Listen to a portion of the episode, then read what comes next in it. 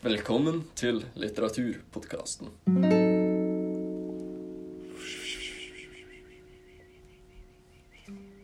Ja, da var vi her igjen. Jeg har med meg Stian Jepsen, litteraturekspert og elev, jeg vet ikke sånn. Jeg er Vetle, og vi skal snakke om realismen. Så da, Stian, kan du fortelle oss litt om realismen? Gjerne både om samfunnet og litteraturen. Selvsagt kan jeg det. Realismen det var en periode preget av eh, mye tabu Hæ? og lukkede dører. Eh, Det var et samfunn der menn dominerte og kvinner tilsynelatende ikke hadde så mye å si. Dette ble kritisert av periodens forfattere. For eksempel har man jo Ludvig Holbergs eh, Nils Klims underjordiske reiser, som bl.a. snudde rundt på menn og kvinners roller i samfunnet og eksperimenterte litt med hvordan det samfunnet så ut. da. Det er samfunnet likevel til her. her. Hvordan reagerte samfunnet på denne her forbausende kritikken eh, som disse forfatterne kom med? Vel, kritikken den var skjult eh, bak interessante og underholdende historier. Så man ble ikke alltid så veldig sjokkert over det. Um, dette mente den danske litteraturforskeren Georg Brandes ville føre til litteraturens død. Eh, han ville se mer kritikk i litteratur og, og teater, og sa det at litteratur i våre dager lever, viser seg i at den setter problemer under debatt.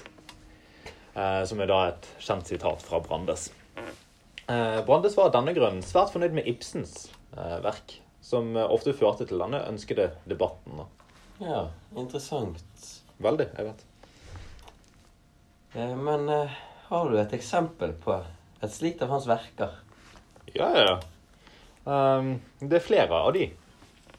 Vi kan jo f.eks. trekke frem det verdenskjente stykket Et dukkehjem.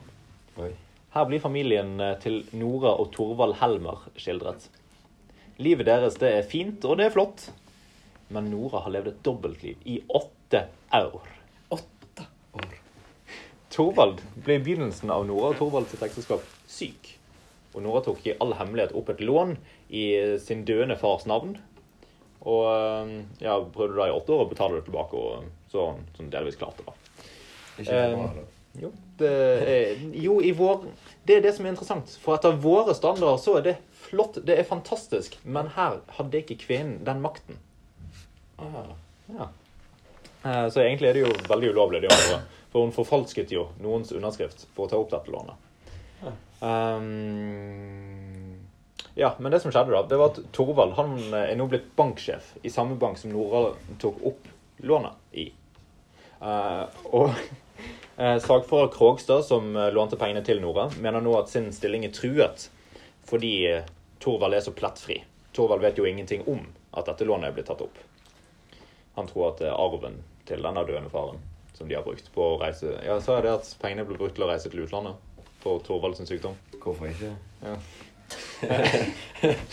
Eh, det, det trengte han da, fordi, for å bli frisk.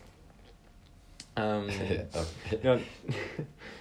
Men tilståelse overfor Torvald eh, er umulig for Nora. Men likevel så finner Torvald ut av dette da, og reagerer med voldsom avsky, og ikke den barmhjertigheten som Nora først trodde han ville reagere med.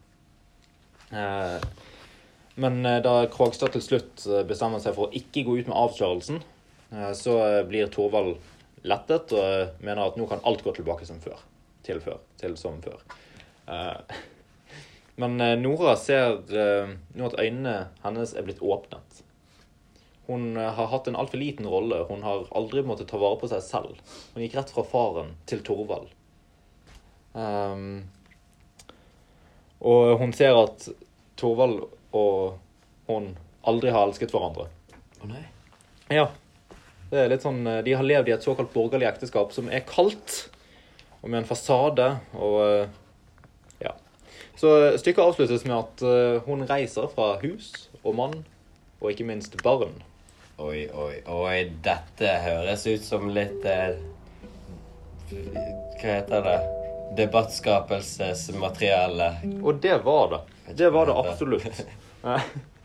Og altså, vi ser jo realismens eh, skjulte og skjulte kritikk eh, i, i det borgerlige ekteskapets falskhet her. Og eh, i kritikken av, kvinnens, eh, av at kvinnens rolle og makt er så liten. Og som du sier, det skapte veldig debatt det her med at hun dro fra ungene sine. Sånn, eh, det ble litt for mye for folk i Tyskland, f.eks.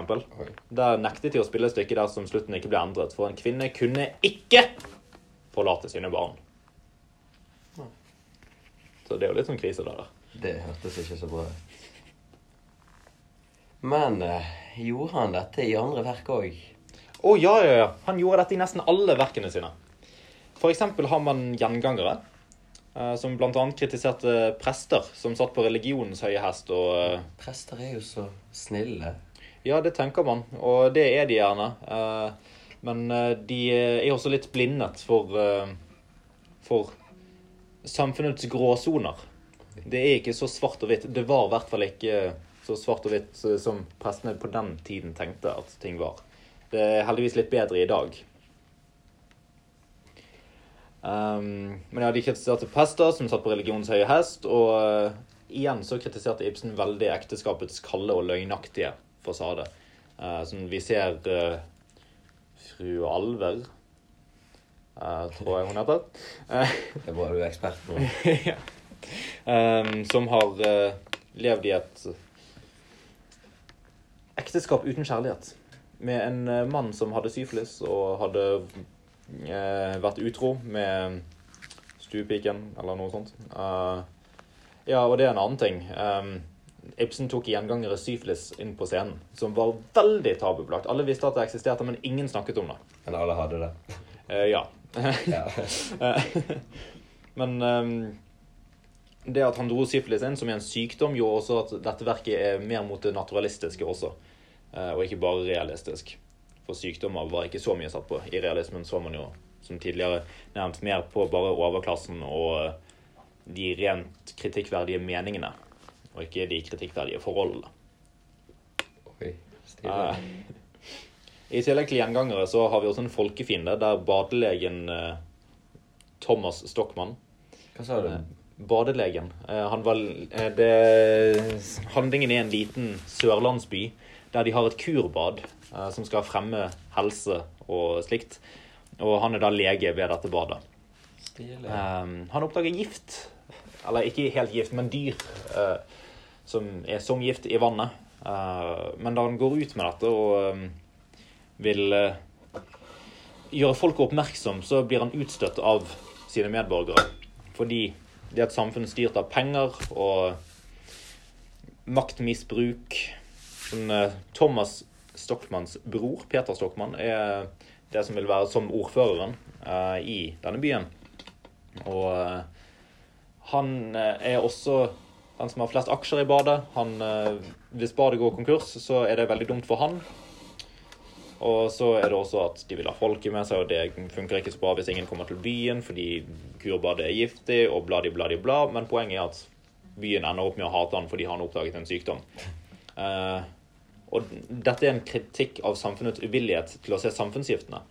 Og en liten fun fact er at stykket faktisk var inspirert av kritikken Ibsen fikk etter gjengangere. Uh, Wow. For uh, Ibsen ble litt sånn delvis boikottet etter gjengangere, og etter at han hadde tatt syfilis inn på scenen og skildret disse samfunnsgiftene. Så da ser vi da Thomas Stockmann, eller Ibsen i rollen som Thomas Stockmann, på mange måter. Um, og så er det jo også kritikk i Villand og Hedda Gabler og en spesielt formanende kritikk når man ser den, den verdige presten Brant i stykket Brant. Mye kritikk, altså. Mye kritikk, mye kritikk. Um, spennende historier. Og dette er jo ting som fortsatt varer og eh, holder seg godt i våre dager, vil man si. Ja. Yes. Var det det vi hadde å si, eller? Ja, for denne omgang. Men vi kan jo se i neste episode om eh, det er noe mer. Det var hyggelig at du tok deg tid til å snakke litt om Det var, realismen. da. Det var kjempe, kjempehyggelig å komme. Og blomster for det. Tusen takk. Ja, Visste jeg ikke. Blomster, herregud. Og sjokolade. Å, tusen takk. Vetle. Dette var jo for mye. Kjenner ikke meg, jeg er ganske hyggelig. Herlig.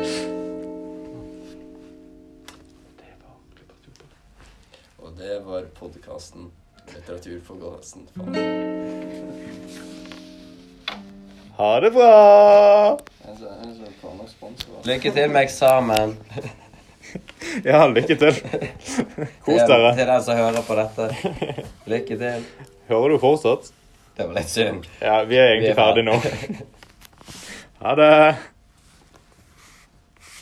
Hvorfor er du her ennå? Kom igjen, skru av. Dagens podkast er sponset av Piger liker piger.dk, Mehmed Fiskeri og alle banker i hele verden. Vi gambler med dine penger.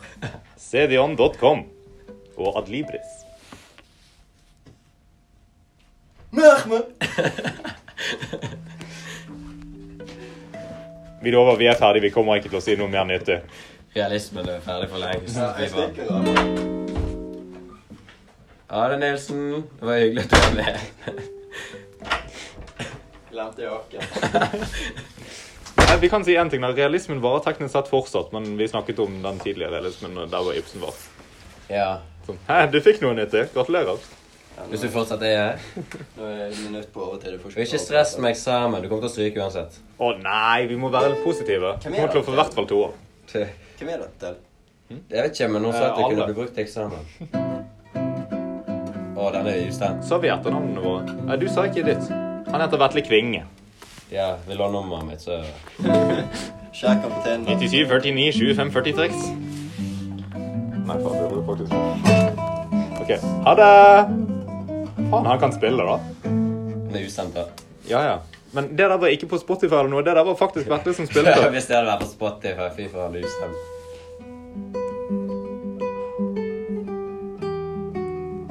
Nei, vi hadde ikke om romantikken og helsike. Bare Du gikk for å høre realismen, og du fikk litt klassisk gitar. OK, nå er vi på tolv minutters merke. Ha det!